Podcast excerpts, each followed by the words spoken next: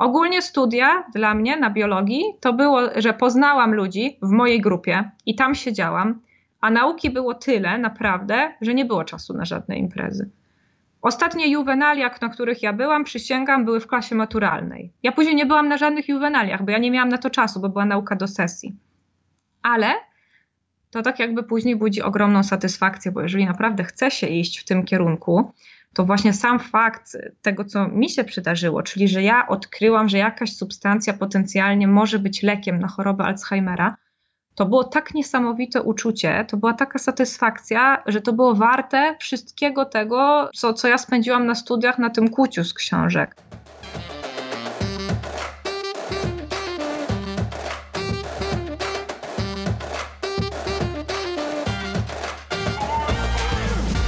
Cześć, tu Ania. Zapraszam do Pracowni Dziewczyn. Pracownia Dziewczyn to cotygodniowe rozmowy z dziewczynami i kobietami na temat edukacji. Edukacji tej szkolnej, czasem akademickiej, a już na pewno tej życiowej. Dokąd miała zaprowadzić, a dokąd zaprowadziła. O wyborach, o porażkach, o pracy kobiet, z kobietami i nad sobą. Gdybym miała typować przyszłe laureatki najważniejszych nagród w dziedzinie nauki, z wielką radością mogę stwierdzić, że moja dzisiejsza rozmówczyni byłaby jedną z nich. Mam nadzieję, że w uzasadnieniu napisano by za odkrycie leku na chorobę Huntingtona i chorobę Alzheimera. Statystyki podają, że na świecie blisko 50 milionów ludzi żyje z chorobą Alzheimera, najczęstszą postacią otępienia, nieuleczalną i postępującą chorobą neurodegeneracyjną. Prognozuje się, że w 2030 roku cierpiących na tę chorobę będzie 65 milionów ludzi, a już 115 milionów 20 lat później. Dla lepszego zobrazowania 115 milionów to tylko nieco mniej niż suma obecnej populacji Polski i Niemiec. A wspomniana choroba Huntingtona, być może wielu osobom mniej znana, to zaburzenie genetyczne powodujące postępującą degenerację komórek mózgu. Prowadzi ona do upośledzenia zdolności motorycznych, zdolności poznawczych i zaburzeń behawioralnych. Występuje u około 12 osób na 100 tysięcy i dotyka w równym stopniu kobiety i mężczyzn. Dzisiaj pracownia łączy się z Gdańskiem, gdzie na Wydziale Biologii Uniwersytetu Gdańskiego pracuje dr Karolina Pierzynowska, adiunkt w Katedrze Biologii Molekularnej. Pochodzi z Iławy. Autorka i współautorka wielu publikacji naukowych i zgłoszeń patentowych dotyczących nowo odkrytych związków. Laureatka programu stypendialnego L'Oréal UNESCO dla kobiet i nauki. Kierowniczka grantu Preludium, finansowanego przez Narodowe Centrum Nauki, Autorka badań nad efektywnością genisteiny jako możliwego leku na wspomniane choroby neurologiczne.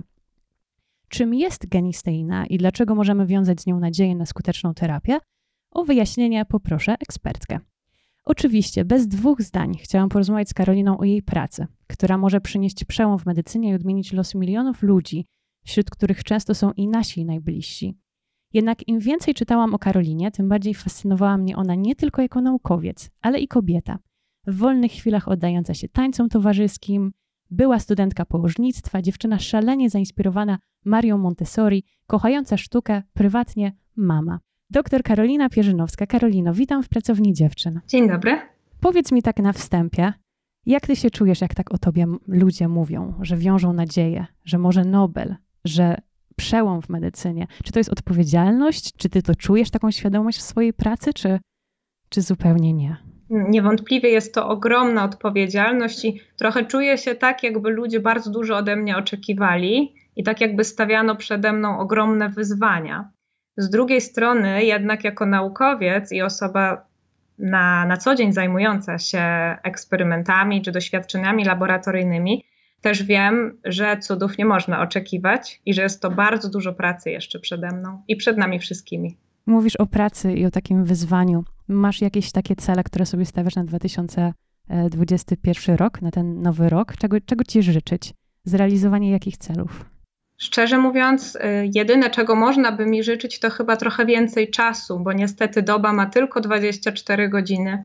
A ja jestem jedna, mamy bardzo fajny zespół na Uniwersytecie Gdańskim, ale jednak cały czas nas jest za mało i czasu też jest za mało. Dobrze. A powiedz mi, kto siedzi z tobą dzisiaj na kanapie? A dzisiaj na kanapie siedzi mój największy przyjaciel, to jest Cyrilla. Cyrilla jest kawalierem i dostała imię po mojej e, ulubionej bohaterce książki, czyli księżniczce Cyrilli z Wiedźmina. Ale ona jest śliczna. No niestety dziewczyny tego nie widzą, ale muszą tutaj nam zaufać, e, zaufać na słowo. Starasz się dzisiaj znaleźć jakoś czas dla siebie? Masz czas dla siebie? Czy, czy też nie chcesz, bo czujesz na przykład, że jest to taki moment w Twoim życiu, że trzeba pchać do przodu, że trzeba pracować, a, a jakiś taki czas na odpoczynek przyjdzie później? Znaczy, bez wątpienia to nie jest tak, czy ja chcę, czy nie. Ja ten czas muszę znaleźć i nawet nie o tyle dla siebie, o ile dla córki dlatego że ona chwilowo jest w zerówce, ledwo zaczęła przygodę ze szkołą i musi się bardzo dużo nauczyć pilności, obowiązkowości, odrabiania zadań domowych. Muszę poświęcić jej troszeczkę czasu, ale tak jakby ten czas, który jej poświęcam, mi wystarcza na odpoczynek od rzeczy naukowych. Ten odpoczynek jest potrzebny, bo też nie można 24 godziny na dobę myśleć tylko i wyłącznie o planowaniu doświadczeń, dlatego że człowiek może bardzo łatwo się wypalić w pewnym momencie. Zaczyna się robić tym zmęczony. A nauka dla naukowców według mnie powinna być największą pasją i człowiek nie może się zrobić z nią zmęczony. Bo jeżeli tak będzie, to, to oznacza wypalenie zawodowe. Także ten czas, który jej poświęcam, jest wystarczający, żeby odpocząć od nauki, a później, kiedy już ona idzie spać wieczorami, wracam do nauki, a rano odwożę ją do szkoły i wracam do laboratorium. Także to jest bardzo dużo czasu poświęcone na, na moją pracę zawodową, ale trzeba od niej też odpocząć. Jak mówisz o swojej córce i o, o ważności e, robienia zadań domowych i tej sumienności, pracowitości, jaki ty masz stosunek do jej edukacji? Ty jej już mówisz, że nauka jest ważna, że trzeba się uczyć? Jak to wygląda? Tak, tak. Ja zdecydowanie jej mówię, że trzeba się uczyć, żeby mieć dobry zawód, żeby zapewnić y, po pierwsze sobie dobre życie, ale po drugie, żeby robić to, co się kocha, bo bez tego nasze życie według mnie byłoby takie dosyć puste. Natomiast też staram się nie być y, mamą, która wymaga cudów. Czyli ja sobie doskonale zdaję sprawę, że nie można być dobrym we wszystkim. Myślę, że jesteśmy na etapie, gdzie spróbuję wyłapać jej zainteresowania, też to, w czym ona jest dobra. Zauważyłam, że w przeciwieństwie do mnie świetna jest w budownictwie i architekturze budowa dróg, autostrad, mostów jest na porządku dziennym. Także mo może to będzie pójście w tą stronę. Myślę, że na pewno będę chciała rozwijać jej pasje takie dotyczące matematyki, może fizyki w przyszłości, budownictwa, architektury. Ale to też nie oznacza, że koniecznie ona musi być wybitna z historii WOS-u. I, I, myślę, że tą zasadą będę się kierować. Oczywiście wszystkich stać na to, żeby być po prostu dobrym we wszystkich przedmiotach, ale, ale nie celującym. O tak. A pamiętasz, jak ty byłaś tak w jej wieku albo troszeczkę starsza, jak twoi rodzice podchodzili właśnie do, do ciebie w szkole, do ciebie odrabiającej zadania domowe i tak dalej? Ja myślę właśnie, że ja będę troszeczkę luźniej do tego podchodzić niż moi rodzice. Dlatego, że tutaj trzeba przyznać, rodzice bardzo dużo wymagali, zarówno ode mnie, jak i e, od mojej siostry. Natomiast mam wrażenie, że ode mnie trochę więcej, bo ja byłam tą pierwszą. Ja mam młodszą siostrę i przecierałam szlaki w domu. No ja byłam z tych ludzi, którzy chodzili też do prywatnej szkoły. Tam poziom ogólnie nauczania był bardzo wysoki. Jak ktoś odbiegał od tego poziomu, to zaczynał robić się taki trochę może e, odrzucony w klasie. Może nie aż tak bardzo, ale, ale ta surowość taka w dążeniu do tego, żeby mieć świadectwo z paskiem była zawsze. Może niekoniecznie chciałabym, żeby to było aż takie ciśnienie w wychowaniu moich dzieci, bo naprawdę rozumiem, że ktoś może po prostu się czymś nie interesować. I ja zrozumiałam, zresztą to już na studiach, gdzie wydawało się, że biologia jest ściśle specjalizacyjna, bo nie ma tam już przecież ani historii, ani WOS-u, ani matem no, matematyki trochę jest może mniej fizyki, ale i tak y, zdałam sobie sprawę, że naprawdę tam również można mieć zainteresowania. I to może być zainteresowanie biochemią, a nie ekologią roślin, albo na odwrót, zoologią bez kręgowców, a nie biologią molekularną. I, I tam dopiero poznałam to, że ja po prostu czerpię ogromną radość z nauki, ale z tej nauki, którą ja chcę się uczyć, a nie z tej nauki, którą muszę odbębnić na siłę. I myślę, że to jest bardzo dobra zasada też do wprowadzenia do domu, że można oczekiwać i od dziecka, i od wszystkich dookoła, żeby, żeby byli ok, dobrzy, dostateczni może, ale nie muszą być celujący ze wszystkiego. Ważne, żeby znaleźć w sobie coś, co będziemy kochali robić i to robić. Pamiętasz, jak w tobie budziła się ta pasja do biologii, do, do życia, do obserwowania organizmów, zwierząt i tak dalej? Jak, jak to było z tobą i początkami tej pasji? Szczerze mówiąc, nie mogę powiedzieć, że pamiętam, żeby ona się we mnie obudziła w jakimś konkretnym momencie, bo ona chyba była we mnie budzona od czasu, jak ja byłam dzieckiem dlatego że moja mama jest po fizjoterapii. Ona zresztą bardzo lubiła zawsze swój zawód, bardzo się dokształcała w tym względzie.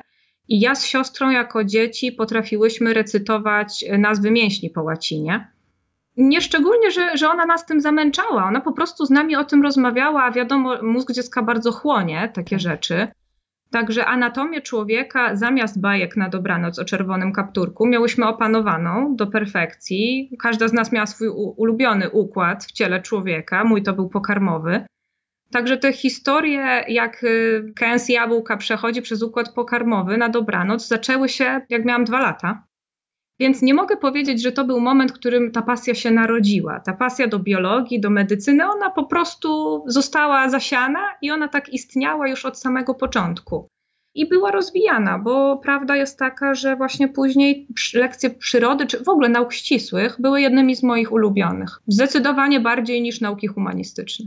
A twój tata jest bardzo związany z uczelnią, prawda? Z nauczaniem studentów. Mm, gdzieś wyczytałam, że ty byłaś bardzo zafascynowana tym jego światem, kiedy zabierał cię z sobą na wykłady czy do budynków uczelnianych. Co ciebie tam tak fascynowało? Szczerze mówiąc, co mnie tam fascynowało, to, to było bardzo dużo czynników. Przede wszystkim mój tata jest pracownikiem Politechniki Gdańskiej.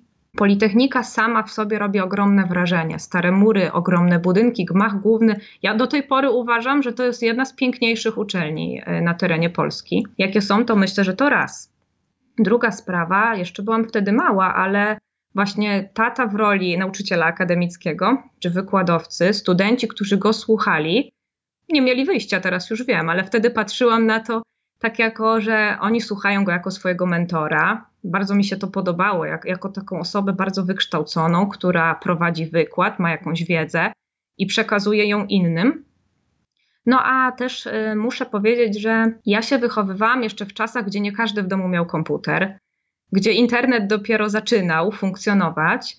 I jak zobaczyłam tą elektronikę, która na uczelniach już wiadomo funkcjonowała, tam były komputery w gabinetach, Zawsze tata mi pozwalał usiąść do komputera, coś napisać na klawiaturze. To było dla dziecka, które miało 5, może 6, 7 lat, to było coś takiego super. Może dlatego dobrze to wspominam, ale bez wątpienia ja, kiedy obserwowałam jego, już od początku wiedziałam, że ja bym chciała z dydaktyką mieć coś wspólnego. Powiedz mi proszę, jak wygląda taki twój typowy e, dzień pracy? Bo tutaj e, w pracowni dziewczyn też często rozmawiamy właśnie o przestrzeni, w której różne dziewczyny pracują.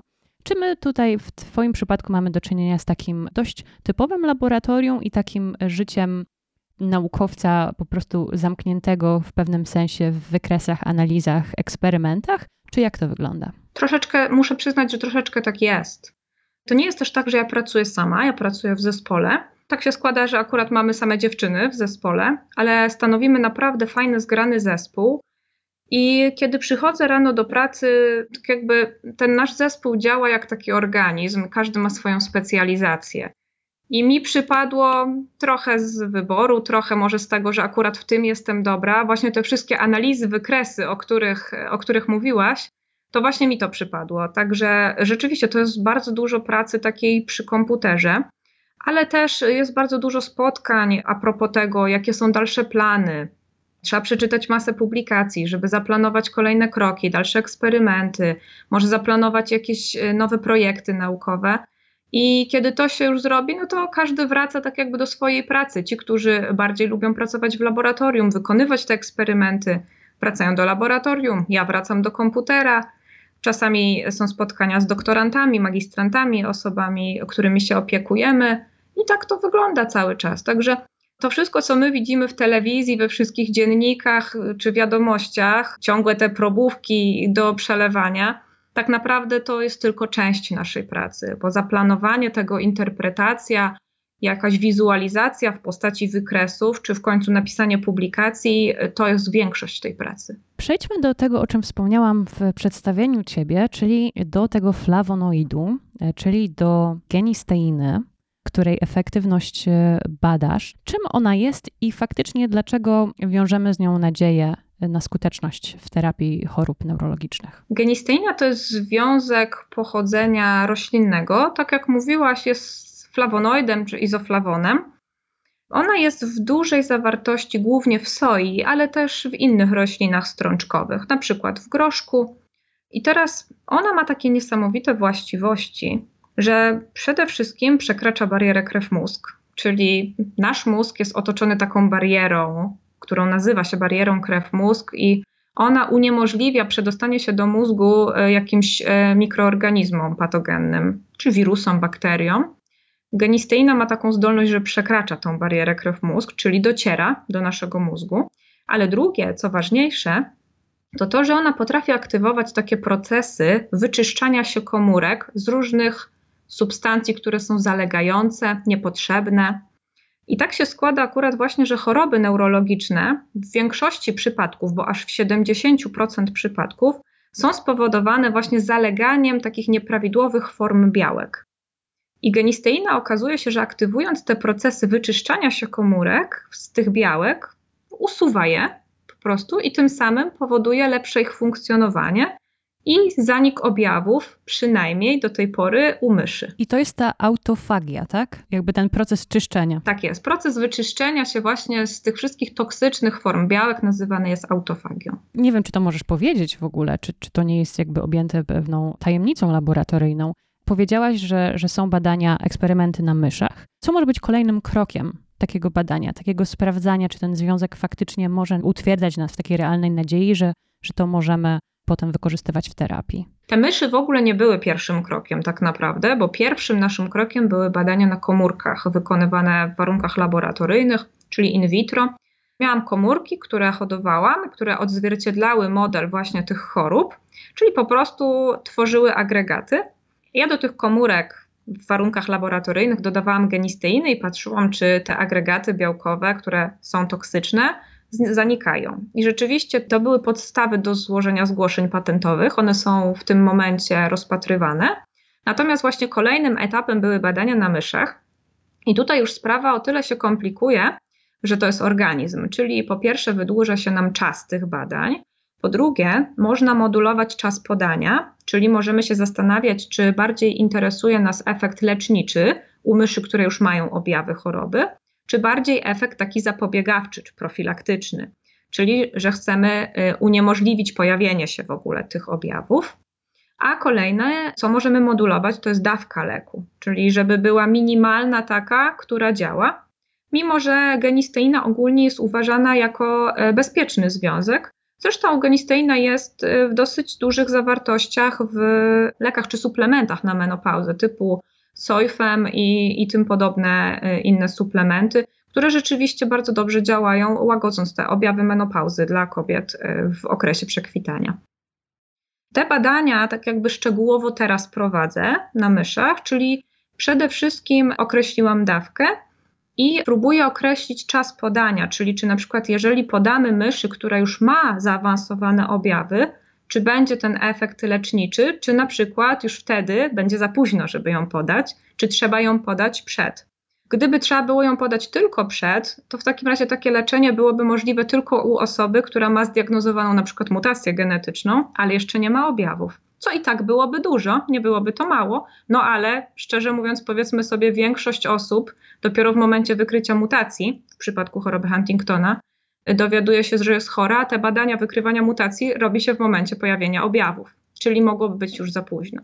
Natomiast z tych moich badań wynika, że jeżeli podamy genisteinie myszy, która już ma objawy choroby, to jesteśmy w stanie w okresie półtora miesiąca doprowadzić do wyleczenia jej. O oh, wow. Wspomniałaś, że ta genisteina jest w roślinach strączkowych, w soi na przykład, tak? Mhm. Chciałabym Cię zapytać o taką pewnego rodzaju profilaktykę, czy zadbanie o zdrowie naszego mózgu, czy ciała i przez to jakby zadbanie o zdrowie, o, o, dobre samopoczucie i też właśnie o sprawność naszego mózgu. E, może to jest takie banalne dość pytanie, ale jak faktycznie dieta na przykład wpływa na, na kondycję naszego umysłu, naszego mózgu, naszego myślenia? Czy faktycznie na przykład jest sens jedzenia większej ilości roślin strączkowych?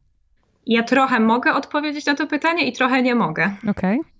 Dlatego, że ogólnie rzecz biorąc, samą żywnością, czyli jedzeniem soi, czy nawet kiełek soi, nie damy rady osiągnąć takich dawek, jakie ja osiągam w laboratorium. Znaczy, dalibyśmy radę, musielibyśmy zjeść 11 kg soi dziennie, bo ja to przeliczałam. O matko. Albo wypić 120 y, litrów mleka sojowego, to też przeliczałam. O wow. Dziennie.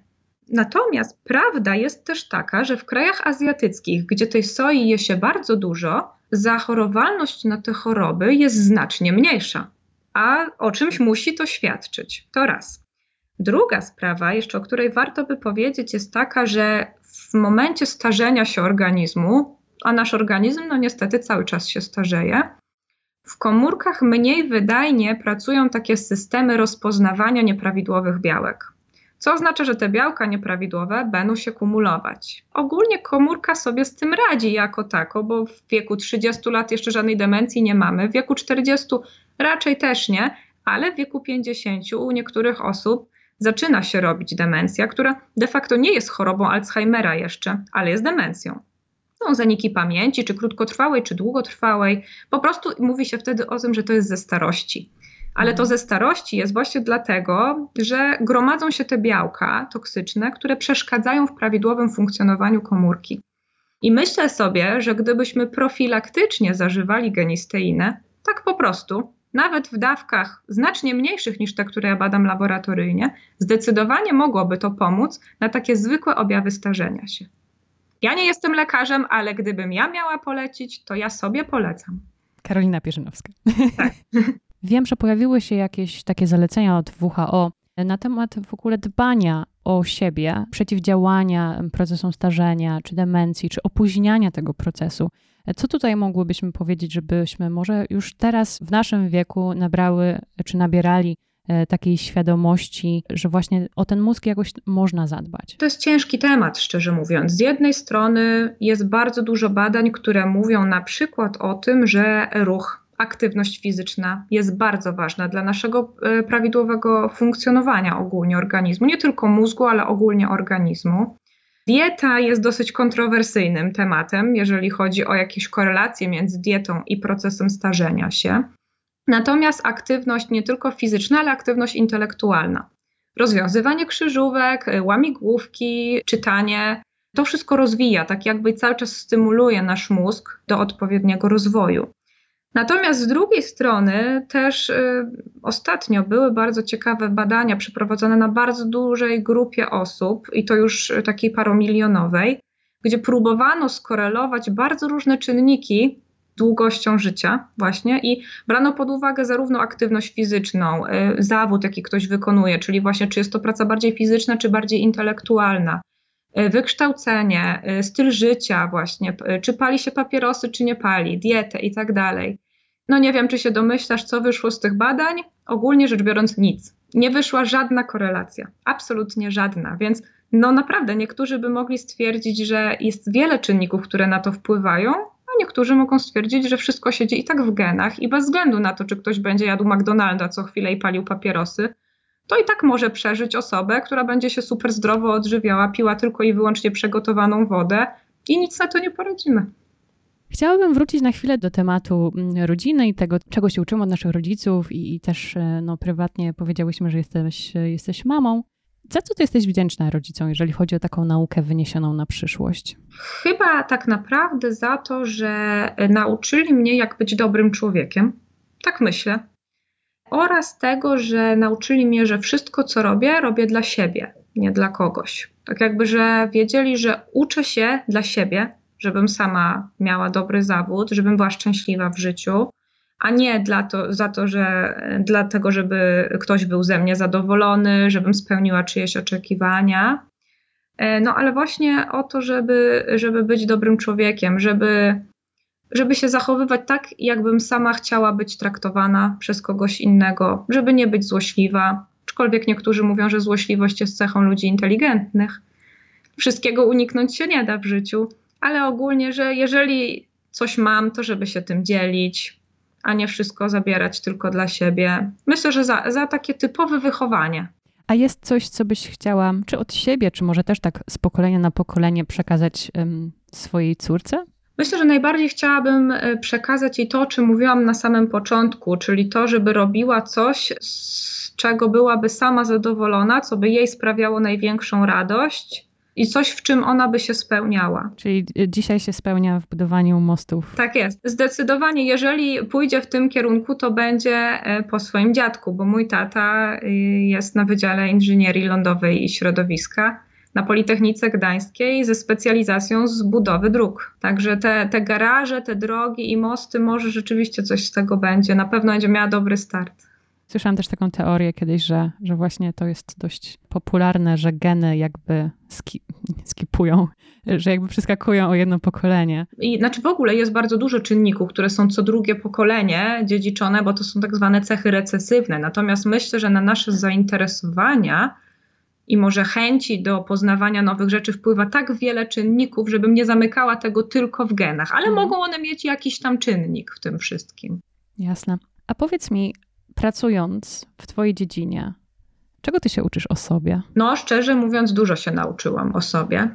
Przede wszystkim nauczyłam się tego, że jestem strasznie pyskata i że warto by czasami się pohamować. Dlatego, że to środowisko naukowe, ono jest takie dosyć specyficzne, bym powiedziała. A co to znaczy? To znaczy, że tam jest bardzo dużo ludzi, którzy zwracają uwagę na to, w jaki sposób się ktoś wyraża, na poprawność polityczną. Bardzo dużo profesorów, też starszej daty, z którymi mam do czynienia, bo są różne spotkania na wydziale, na uczelni, typu Senat, Rada Wydziału, Rada Dziekana. Są takie organy, w których jak się bierze udział, to trzeba, że tak powiem przysłowiowo, nie chlapać ozorem, co ślina na język przyniesie, tylko się pięć razy zastanowić, zanim się człowiek wypowie. Tak naprawdę ten luz, który wy, wypowiedzi, który, na który mogę sobie pozwolić, jest dopiero w naszym zespole, w obrębie osób, które, które znam, którym ufam bo e, bardzo łatwo coś powiedzieć, przeinaczyć może, albo coś powiedzieć w taki sposób, że zostanie się źle zrozumianym, a to bardzo dużo później konfliktów i kontrowersji rodzi. Ale tu chodzi o taki szacunek, czy to chodzi, bo oczywiście też e, miałaś czy na swoich stażach, czy, czy na różnych konferencjach doświadczenie e, z innymi e, instytucjami, z osobami, które reprezentują inne organy w nauce i tak dalej. No i ja mam wrażenie, nie jestem w tym twoim środowisku oczywiście, ale ja mam wrażenie, że na zachodzie, na uczelniach na przykład jest mniejszy ten dystans, że ta ranga jest jakby nie chcę powiedzieć, że jest spłaszczona, ale ona, jeżeli chodzi o robienie eksperymentów, uczenie się czegoś wspólnie, że ten dystans troszeczkę zanika. Czy tu chodzi o coś takiego, czy, czy faktycznie, że coś chlapnie, że coś będzie niezrozumiane merytorycznie niezrozumiane? Czy faktycznie chodzi o jakiś taki dystans i, i rangę? Trochę tak, a trochę tak. Ale rzeczywiście tam, e, zwłaszcza jak byłam w Stanach Zjednoczonych na stażu miesięcznym, tam bardzo fajnie było widać ten brak takiego aż, e, aż takiego dużego dystansu. W sensie był kierownik e, zespołu, który był profesorem, ale on się zwracał do tych ludzi, których miał pod opieką w dużo bardziej przyjazny sposób, może. Niż, niż w Polsce się to dzieje. Oczywiście nie chciałabym uogólniać, nie mówię o wszystkich, bo ja mam szefa, który naprawdę ma z nami bardzo dobry kontakt, świetny Natomiast nie wszyscy tak, tacy są, nie wszyscy tak mają, z bardzo dużą taką krytyką podchodzą. Prawie, żebym powiedziała, że graniczy to z tym, że nie rozumieją, że my też jesteśmy dorosłymi ludźmi i że również mamy swoje potrzeby i, i swoje tak jakby powody, żeby czegoś wymagać. Dlatego, że ja na przykład bardzo szybko miałam dziecko, ale mało osób, które wtedy byłam na studiach magisterskich, mało osób było, które wtedy rozumiały to, że ja jestem mamą tak na samym początku i że ja nie mogę tego danego dnia przyjść i coś zrobić, ale jeszcze co więcej, że ja mam prawo od kogoś wymagać czegoś takiego. Jest czasami takie podejście, że doktoranci i studenci mają iść do roboty i tam zostać. Niestety. Te czasy się zmieniają już troszeczkę, ale na szczęście też oczywiście zależy do jakiego zespołu się trafi. To jest bardzo ważne, żeby na etapie wyboru studiów doktoranckich wybrać sobie promotora, który naprawdę bardzo dużo poświęca, y, bardzo dużo uwagi daje swoim doktorantom i po prostu jest taki ludzki bardziej niż, niż taki bardzo zasadniczy. A wiesz co, tutaj w podcaście przy okazji innego odcinka rozmawiałam z dziewczyną, która też jest e, naukowcem, e, ścisłowcem. Pamiętam, że chciałam z nią porozmawiać a propos syndromu Matyldy, czyli tego syndromu umniejszania czy wręcz pomijania roli kobiet naukowczyń pracowników w badaniach naukowych, że to kiedyś tam faktycznie, no, to częściej widać to w przeszłości oczywiście, teraz to się zmienia. Mhm. Ona zwróciła mi uwagę, że ona, jeżeli chodzi o dyskryminację, więcej czuje dyskryminacji na swojej drodze, dyskryminacji przez jej wiek, że jest po prostu młoda. I jak ty patrzysz też na ten wiek, czy miałaś jakieś takie sytuacje dyskryminacyjne, no bo, no kurczę, pani doktor, ale y, no, młoda jesteś, powiedzmy szczerze, tak? Tak, tak, zdecydowanie y, tak jest. To widać zwłaszcza przy zdobywaniu kolejnych stopni i tytułów. No bo ja rzeczywiście myślę, że jestem jednym z młodszych doktorów w Polsce. Ja broniłam się na końcu 2019 roku, stopień doktora uzyskałam na początku 2020 roku. Miałam wtedy 28 lat, więc rzeczywiście to było mało. Myślę, że średni wiek taki na stopień doktora w Polsce jest około 31-32 lata, więc zrobiłam to trochę wcześniej. I teraz już wiem, bo takie głosy do mnie docierają nie tylko z naszej uczelni, z innych uczelni głównie, że nie mam za szybko robić habilitacji. Dlatego, że zrobienie szybkiej habilitacji po doktoracie będzie się wiązało właśnie z tym, że a może za szybko, a może za młoda, i nie będzie to miało absolutnie nic wspólnego z moim dorobkiem naukowym, który będzie spokojnie taki, że gdyby osoba, która ma 40 lat składała tą habilitację, to spokojnie by tą habilitację uzyskała. Ale był przypadek, i to był u nas na Uniwersytecie Gdańskim, może nie będę rzucać nazwiskami, gdzie habilitację odrzucono ze względu na to, że była złożona dwa lata po doktoracie, a że wtedy, to była pani naukowiec, że wtedy miała y, tak jakby okres swojego największego rozwoju, rozkwitu, zrobiła staż, przyjechała na Uniwersytet Gdański z nowymi metodami modelowania w ogóle. Y, no super badania prowadziła po prostu. Miała bardzo dużo publikacji z tego okresu, ale komuś się to nie spodobało. Po prostu było za szybko. A ty jak słyszysz takie historie i myślisz o swojej ścieżce, to takie historie cię, czyli takie rady cię bardziej pchają do tego, żeby być taką przecierającą szlaki? Czy raczej, żeby powiedzieć sobie, Karolina, ok, przyjdzie na to czas, żeby sobie nie, właśnie nie popsuć czegoś? Kiedyś jeszcze byłoby tak, żebym na złość robiła, i bym stwierdziła, nie, to ja złożę. Teraz rok po obronie doktoratu, to ja teraz złożę i, i, i zrobię wszystkim na złość. Teraz ja naprawdę widzę coraz bardziej, jak to środowisko działa i tak jakby wiem, że takie zachowanie mogłoby troszeczkę wpłynąć na moją niekorzyść, więc wiem, że trzeba do tego wszystkiego podejść rozsądnie. I ja zrobię to szybko, wiem, że to zrobię szybko, Natomiast zrobię to w tym momencie, kiedy nie będzie już się do czego przyczepić, że tak powiem. Czyli będę miała na tyle silny dorobek, gdzie nikt nie będzie mógł powiedzieć, tak jakby mieć merytorycznego argumentu na to, żeby, żeby mi po prostu napisać negatywną opinię na podstawie, na podstawie mojego dorobku naukowego. Czyli trzeba, z jednej strony wiem, że zrobię to szybko, ale z drugiej strony wiem, że po prostu trzeba zachować w tym wszystkim jakiś rozsądek, bo ja też uważam, że ja mam teraz po doktoracie największy okres takiego rozkwitu naukowego. Akurat e, realizujemy jeden bardzo duży projekt, bo to jest projekt na prawie 3,5 miliona, więc mieliśmy bardzo duże finansowanie na to, bardzo dużo publikacji wyszło i myślę, że spokojnie pod koniec przyszłego roku byłabym gotowa, żeby to zrobić. A możesz coś powiedzieć na temat tego projektu? Co to jest, co to był za grant? Ten projekt, który właśnie realizujemy, to jest taki projekt, gdzie tym razem już nie wchodzimy w terapię, a raczej staramy się zbadać dokładne przyczyny na poziomie molekularnym, czyli niskocząsteczkowym, jednej z bardzo rzadkich chorób genetycznych, czyli mukopolisacharydozy. Tam występuje aż 11 typów, czy może odmian tej choroby, które, która jest ogólnie spowodowana tym, że również gromadzą się związki, ale tym razem są to wielocukry, a nie białka. I szukamy tak naprawdę przyczyn, dlaczego oprócz tych gromadzonych wielocukrów te dzieci chorują, bo to głównie dzieci chorują na tą chorobę, dlatego że okazuje się, że poprzez dostępne terapie usunięcie tych wielocukrów wcale nie oznacza powrotu do zdrowia.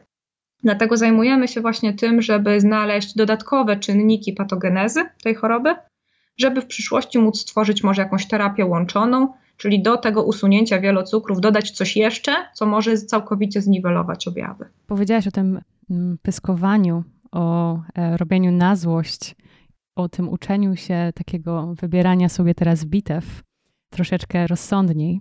Chciałam Cię zapytać odnośnie wykształcenia i pielęgnowania takich cech w młodej osobie, które mogą jej pomóc odnieść pewnego rodzaju sukces w dziedzinie właśnie nauki, w studiowaniu czy w obracaniu się w takim środowisku ścisłym. Też jako, jako mama tutaj e, z perspektywy wychowywania e, młodszej dziewczynki, jak, e, jak, jakie myślisz, że to są, to są ważne cechy? Przede wszystkim uważam szczerze, że mi, mi jako naukowczyni pomogła najbardziej zawziętość. To, że ja się nie poddawałam za każdym razem, jak mi coś nie wyszło, bo w tej pracy naprawdę nie wychodzi. Częściej niż wychodzi, szczerze mówiąc. Ale to, że ktoś zaciśnie pięści i stwierdzi, nie, robię dalej, zrobię to inaczej, pokażę wszystkim, że ja dam radę to zrobić, to naprawdę działa. To jest bardzo dobra cecha, dlatego trzeba, ja też córkę będę popychać do tego, że jeżeli coś jej nie wyjdzie, to nie ma co się załamywać, tylko właśnie lepiej jest zacisnąć zęby, stwierdzić, dam radę, i zrobić to jeszcze raz, może w inny sposób. Aczkolwiek wiem też, że niestety nie jest to łatwe, bo i ja, i ona, z tego co widzę, motywujemy się tak dosyć pozytywnie. Czyli porażki nas bardzo obniżają nasze e, wartości, za to e, motywuje nas bardzo e, sukces jako taki. Czyli jeżeli nam coś wyjdzie, i, i to też widzę po niej, że jeżeli dostanie pochwałę, to od razu chce robić dalej, E, i ja mam podobnie, więc to wcale nie było łatwe pogodzenie tej zawziętości z tym, że czasami coś nie wychodzi. Ale oprócz tego y, muszę przyznać, że taka wszechstronność, bo w ogóle, żeby być naukowcem, trzeba być z jednej strony takim trochę szalonym artystą, a z drugiej strony osobą niezwykle pilną, dokładną, szczegółową, wiążącą różne fakty, zwracającą uwagę na szczegóły. I teraz przewaga w jakimkolwiek stronę, czy w, tą, w stronę tej, tego artystycznego nieładu, czy w stronę tej pilności zbytniej, działa na niekorzyść. Tam trzeba znaleźć taki idealny balans pomiędzy tymi dwoma, może charakterami w jednej osobie. Dlatego ja uważam, że nie wszyscy się spełniają w roli naukowca, bo po prostu bycie zbyt pilnym i zbyt zwracającym uwagę na szczegóły, tak jakby sprawi, że zatracimy sens takiego ogółu tego wszystkiego razem za to właśnie bycie zbyt roztrzepanym, zbyt y, stawiającym na ten nieład artystyczny, no sprawi, że zatracimy tak naprawdę tą, tą szczegółowość i pilność w robieniu doświadczeń, a ona jednak też jest potrzebna. Wspomniałaś o sukcesie, trudne pytanie. Czym jest dla ciebie sukces? Albo czy jesteś w stanie, patrząc na swoją dotychczasową ścieżkę, wskazać takie momenty, czy taki moment, gdzie czułeś, że o, to był sukces? Szczerze mówiąc, to jest bardzo ciężkie pytanie dla mnie ogólnie, ale ja nie rozpatruję sukcesu jako jednego jakiegoś super zdarzenia. Mimo, że różne zdarzenia, które spotykałam na mojej drodze, były bardzo motywujące, takie bardzo przekonywujące, były no super wręcz, bym powiedziała. Na przykład wygranie nagrody L'Oréal dla kobiet i nauki, to, to było coś takiego super niesamowitego, dlatego że tam się spotykały kobiety. Te filmy, które zostały wtedy nakręcone, one takie były bardzo motywujące, takie, że ja aż sama patrzyłam na te filmy i mówiłam: Wow, nie wiesz, że to jestem ja, że ja coś takiego zrobiłam. To było ekstra, ale to było wynikiem sukcesu, a nie sukcesem samym w sobie. A dla mnie sukcesem to, to mogą być e, takie bardzo proste rzeczy z dnia codziennego, bo ja naprawdę potrafię się cieszyć takimi właśnie bardzo prostymi, małymi rzeczami. Sukcesem na przykład było to, że w ciągu dnia zdążyłam zrobić zakupy spożywcze, dojechać do domu, zrobić jakąś pracę naukową, którą miałam zrobić, jeszcze wyjechać po dziecko i zdążyć to wszystko zrobić do godziny 16. To jest dla mnie sukces, naprawdę. Także ta organizacja czasu i pracy i, i, i, życia mojego domowego, prywatnego, to są takie małe sukcesy, które ja codziennie e, przeżywam bądź nie przeżywam. I, I one tak jakby napędzają to wszystko do działania. A to później wszystko, co jest z tego wynikiem, no to jest super, ale to jest wynik już tych wszystkich moich sukcesów codziennych. Wspomniałaś o tym, że tak relatywnie zostałaś mamą dość wcześnie. Ja mam do ciebie ogromny szacunek i chcę to podkreślić. I jesteś ekspertką w swojej dziedzinie, no i jesteś oczywiście panią doktor. I, I, ten cały dorobek edukacyjny, zawodowy, o którym mówimy, jest no po prostu absolutnie tutaj ważny. Ale chciałam zapytać właśnie o to zostanie rodzicem.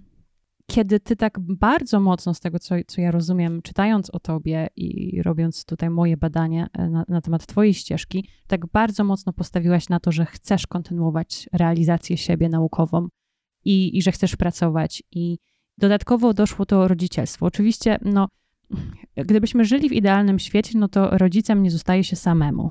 Prawda? Jest zawsze ta druga osoba, która też powinna wskoczyć, pomóc, no i to jest taki wspólny projekt. Nie chcę cię pytać, jak ty dałaś radę, ale w takim większym kontekście, jeżeli na przykład słuchają nas dziewczyny, które myślą o sobie podobnie, że mam dziecko, ale ja też chcę się realizować, co byś mogła powiedzieć, co ci tak pomogło tym całym jakby bogactwie tych wszystkich obowiązków, bo jednej strony, z jednej strony praca naukowa, e, praca na co dzień i z drugiej strony bycie rodzicem? To, co mi pomogło, to chyba takie nauczenie się też Mam nadzieję, że to nie wynika tylko ze środowiska, w którym się obracam, czyli środowiska biologów, tak jakby dla biologów czy lekarzy. To jest oczywiste, że kobieta w pewnym momencie ma dziecko i, i jest z tym dzieckiem związana, tak jakby. Ale ta, taka właśnie chyba świadomość, że ludzie dookoła są, wydaje mi się, bardziej życzliwi niż nam się wydaje. Nie wszyscy, pewnie, ale większość takich jest, które będą w stanie tak jakby przymknąć oko na to, że kobieta przyjdzie z dzieckiem na seminarium magisterskie albo seminarium doktoranckie, powiedzieć: Dobra, słuchaj, nie martw się, zrobimy jakoś tak, żebyś mogła popracować chwilę z domu. Albo, albo cokolwiek takiego. Ja nie przeczę, że pomoc rodziny, którą ja dostałam, e, była dosyć duża e, i, i nie miałam aż takich dużych problemów, ale jeżeli nie jest to rodzina, może znajdzie się przyjaciółka, może znajdzie się sąsiadka zaufana, która mogłaby na dwie godziny podczas tych zajęć jednych e, zostać z dzieckiem. Myślę, że, coś, że to tak jakby nie jest problemem, dopóki my sami sobie tego problemu nie zrobimy. Że po prostu ja wzięłam to tak, że taki jest stan rzeczy, muszę sobie jakoś z nim poradzić i trudno choćbym miała z tym dzieckiem wejść do laboratorium i siedzieć z nim w tym laboratorium, co zresztą robiłam, to, to będę robić i koniec. No, moją Natalkę przewijałam na stole laboratoryjnym, bo takie, bo, bo, tak wybrałam po prostu. Da, da, to się dało zrobić. Oczywiście to było z jakąś pewną tam niekorzyścią czasami dla niej, bo ja pamiętam, jak ja byłam w trakcie doświadczenia, a ona miała gorączkę. Ja miałam wybór, albo ją wyciągnąć do tego laboratorium z domu, albo zawalić doświadczenie, które trwało dwa tygodnie. I ja ją wyciągałam do, do tego laboratorium, żeby jak najszybciej to zrobić. I, I ona z tą gorączką biedna jechała ze mną, ale tak jakby we mnie to takie poczucie, że ja naprawdę muszę to zrobić, było bardzo ważne. Czasami aż wręcz teraz z perspektywy czasu myślę, że przesadzone.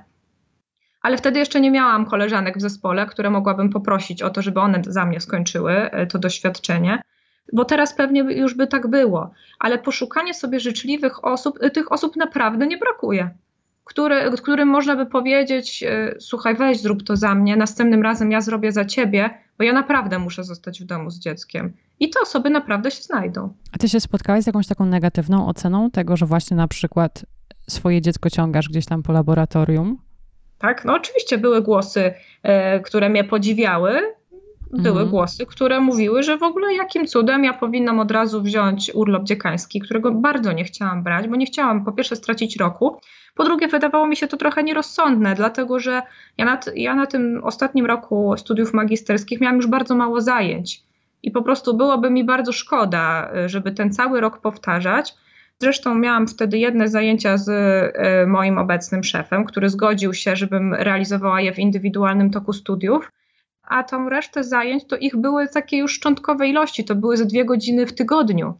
Więc szkoda mi było po prostu to robić. No ale na te dwie godziny, no trudno, albo zostawiałam e, dziecko, no miałam możliwość zostawienia e, z rodziną, albo, albo ciągałam na zajęcia. I, I jakoś przeżyłam. I ja przeżyłam, i Natalia przeżyła, więc myślę, że e, to się da zrobić, naprawdę. Tylko muszą być trochę życzliwe osoby. Ja Cię bardzo podziwiam za tą taką zaciętość, pełen szacunek i, i taką, taki upór, i też myślę, takie poznanie siebie do tego stopnia, też świadomość realizacji siebie i swojej jakby ramy czasowej, że chcesz w danym momencie coś zrobić i, i weźmiesz wszystkie wyzwania, które są po drodze na, na klatę, że tak powiem. A ty wątpiłaś gdzieś po drodze, że ta ścieżka, którą sobie wybrałaś, jest dla ciebie? Wątpiłam, oczywiście. I ja myślę, że to był wiek akurat taki wtedy na. No nawet nie powiem, że. Zaraz powiem dlaczego. Nie powiem, żeby to był wiek na popełnianie błędów, ale na zmiany decyzji, może tak, a później na odwracanie tej decyzji, a później na zmienianie jeszcze raz. Ja uważam ogólnie, że młodość jest po to, żeby szukać jakiejś swojej drogi i może znaleźć to gdzieś albo gdzieś indziej, o co nam chodzi w życiu. Mianowicie, no ja przez to właśnie, że tak jakby nie wiedziałam, czy bardziej biologia, czy bardziej medycyna, bałam się po pierwszym roku studiów biologicznych, że trochę mi zabraknie takiej pracy bardziej praktycznej. A to dlatego, że program studiów na biologii jest ułożony, że najpierw jest bardzo dużo botaniki i zoologii, a później się zaczynały takie przedmioty typu biochemia, immunologia, one mnie trochę bardziej interesowały. No ale musiałam przejść przez tą zoologię, musiałam przejść przez botanikę, przez ekologię. I te przedmioty tak jakby sprawiały, że ja trochę chyba podupadałam na tym, czy ja na pewno dobrze wybrałam. I rzeczywiście po pierwszym roku zdecydowałam się na zmianę. E, znaczy nie to, że ja rzuciłam biologię, ale wziąłam e, urlop dziekański, bo stwierdziłam, że chcę po prostu spróbować czegoś innego i dostałam się na położnictwo e, na Akademię Medyczną w Gdańsku. Ja absolutnie nie uważam, że to był błąd, bo ja nie spędziłam tam dużo czasu, ale bardzo dużo się nauczyłam tam, takiej wiedzy, podejścia, trochę może praktyki. Przez co jak się urodziła moja córka, to ja bardzo dużo wiedziałam, naprawdę bardzo dużo wiedziałam i tak jakby znałam się na tym na tyle, żeby być y, dosyć taka samodzielna, niezależna w tym wszystkim. Może nie do końca w czynnościach, które robiłam, ale w takim myśleniu bardziej. Czy coś jest normalne, czy coś nie jest normalne. Nie dzwoniłam do szpitala czy do przychodni z każdą paniką. Też podczas ciąży wiedziałam, co się dzieje z moim organizmem. Czy to dobrze, czy to źle. I myślę, że to bardzo dużo mi dało. Natomiast też dowiedziałam się, że to nie jest raczej y, coś, o co mi do końca chodziło. Że ta biologia chyba jednak bardziej mi odpowiadała, bo ja jednak byłam taka dosyć pilna, zawsze lubiłam siedzieć w książkach. Tam tych książek prawie nie było na położnictwie. Tam była raczej taka praktyka i to z grubej rury, że tak powiem, od samego początku. Stwierdziłam, że mi tych książek po prostu trochę brakuje, tego sposobu uczenia się, a nie tego praktycznego. I e, wróciłam na biologię jeszcze w tym samym roku, więc nie straciłam tego roku wtedy. I akurat zaczęło się to, co, o co mi chodziło najbardziej. Jakieś takie przedmioty typu immunologia, biologia molekularna, biochemia. Już wtedy wiedziałam, że dobrze zrobiłam, że wróciłam. Także ja uważam naprawdę, że to był czas na tą zmianę, którą ja chciałam, która mnie utwierdziła tylko w przekonaniu, że jednak mój pierwszy wybór był dobrym strzałem.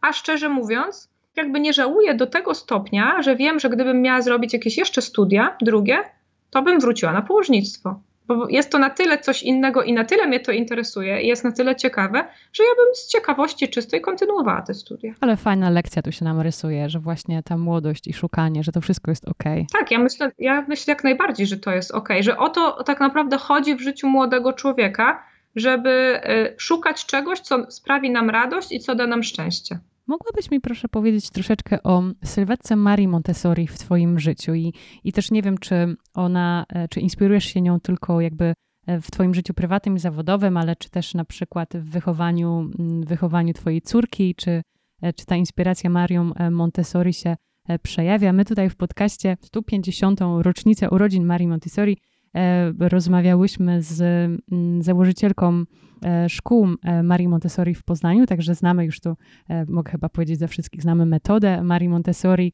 i jej historię i jej taką właśnie też zawziętość i niepoddawanie się i pójście za takim swoim powołaniem. Co ty widzisz Marii Montessori? Pierwsze to w jej postaci i takiej jako, jako jej samej właśnie widzę to, co powiedziałaś przed chwilą, czyli tą zawziętość w dążeniu do celu. Przecież to była pierwsza kobieta studiująca medycynę wtedy, w tamtym czasie co ogólnie rzecz biorąc było super już samo w sobie, że tak jakby nie zwracała uwagi na nic i na nikogo, tylko dążyła do tego, co ona chce.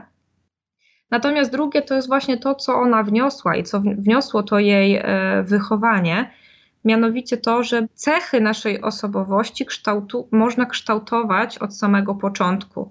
I to jest coś, w czym ja się bardzo kieruję, żeby niektóre cechy, które widzę na przykład w córce mojej, rozbudowywać i żeby ich y, nie, tak jakby nie umniejszać. Dlatego, że ona, kiedy już była w przedszkolu, widział, no, panie widziały, ja widziałam w niej taki bardzo duży indywidualizm. Ona na przykład nie chciała jeść z innymi dziećmi, bo twierdziła, że nie, że ona będzie jadła po wszystkich, bo ona nie będzie się dostosowywać do grupy. To były cechy, które się uaktywniły u trzylatka. Ja miałam rozmowę z paniami dosyć poważną, bo powiedziałam im, że rozumiem z jednej strony fakt, że jest jakiś określony rytm w przedszkolu, ona musi się do niektórych rzeczy dostosować, ale z drugiej strony szczerze im też powiedziałam, że ja nie za bardzo chcę zabijać ten jej indywidualizm, dlatego że ten indywidualizm jest kluczem do tego, żeby ona coś osiągnęła w życiu. No bo powiedzmy sobie szczerze, że ci, którzy idą za innymi i z innymi, nie, nie dojdą nigdzie dalej niż inni. Ci, którzy idą sami, zwykle dochodzą dalej, ale robią to sami. I te cechy takie właśnie typu to, że jest indywidualistką, że, że lubi raczej pracować sama niż w grupie, to są cechy, które są zdecydowanie do tego przydatne. I y, ja się z, z paniami z przedszkola zdecydowanie porozumiałam w tej kwestii. Natalia jadła po innych dzieciach.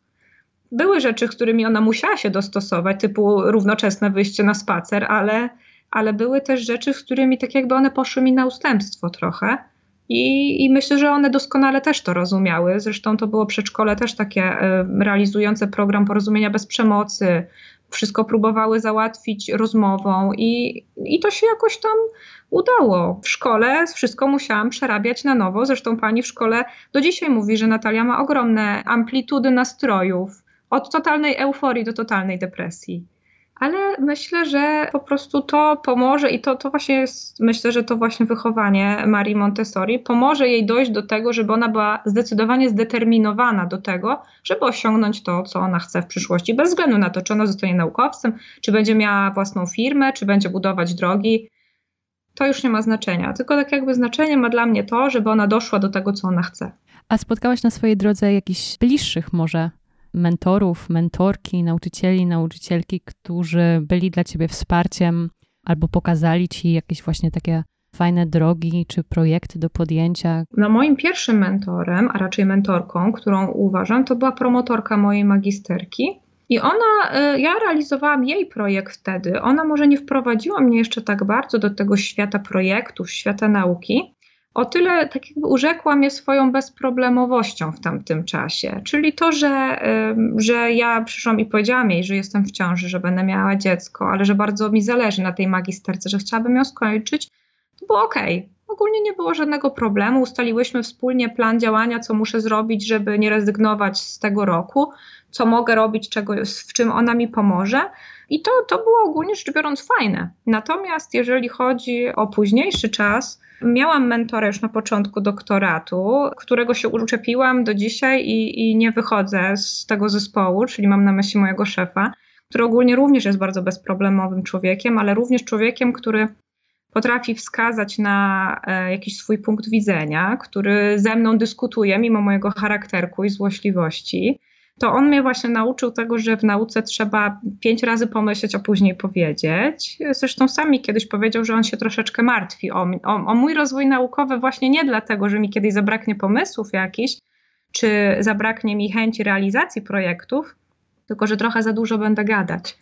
Dlatego właśnie musiałam pójść na kompromis i uczę się cały czas tego, żeby trochę mniej chlapać ozorem, ale też bardzo dużo korzystam e, z jego rad. On jest bardzo wszechstronny właśnie z tej też e, również takiej naukowej strony, czyli nie jest tak, że cały czas robimy to samo w laboratorium, tylko co nowy projekt realizujemy inne zagadnienie, inne techniki. Możemy cały czas się bardzo rozwijać i my to czujemy w zespole, że tak jakby pod jego skrzydłami mamy najlepszy rozwój swój, jaki mogliśmy mieć kiedykolwiek, właśnie teraz, w tym momencie. Co byś poradziła dziewczynom, które myślą o studiowaniu biologii, o podjęciu takiej bardzo podobnej ścieżki zawodowej, edukacyjnej do Twojej? To, co chcę powiedzieć przede wszystkim, to że wcale nie będzie łatwo. I to mówię od razu, że to są bardzo ciężkie studia, i teraz tak naprawdę nie sprawdziły się wszystkie te teksty, które słyszałam od rodziny i od y, może znajomych rodziców, czyli że Studia to jest najciekawszy okres w życiu. Studia to jest najwięcej imprez. Wtedy to się dopiero baluje, tam się poznaje ciekawych ludzi. Nie, nie, nie.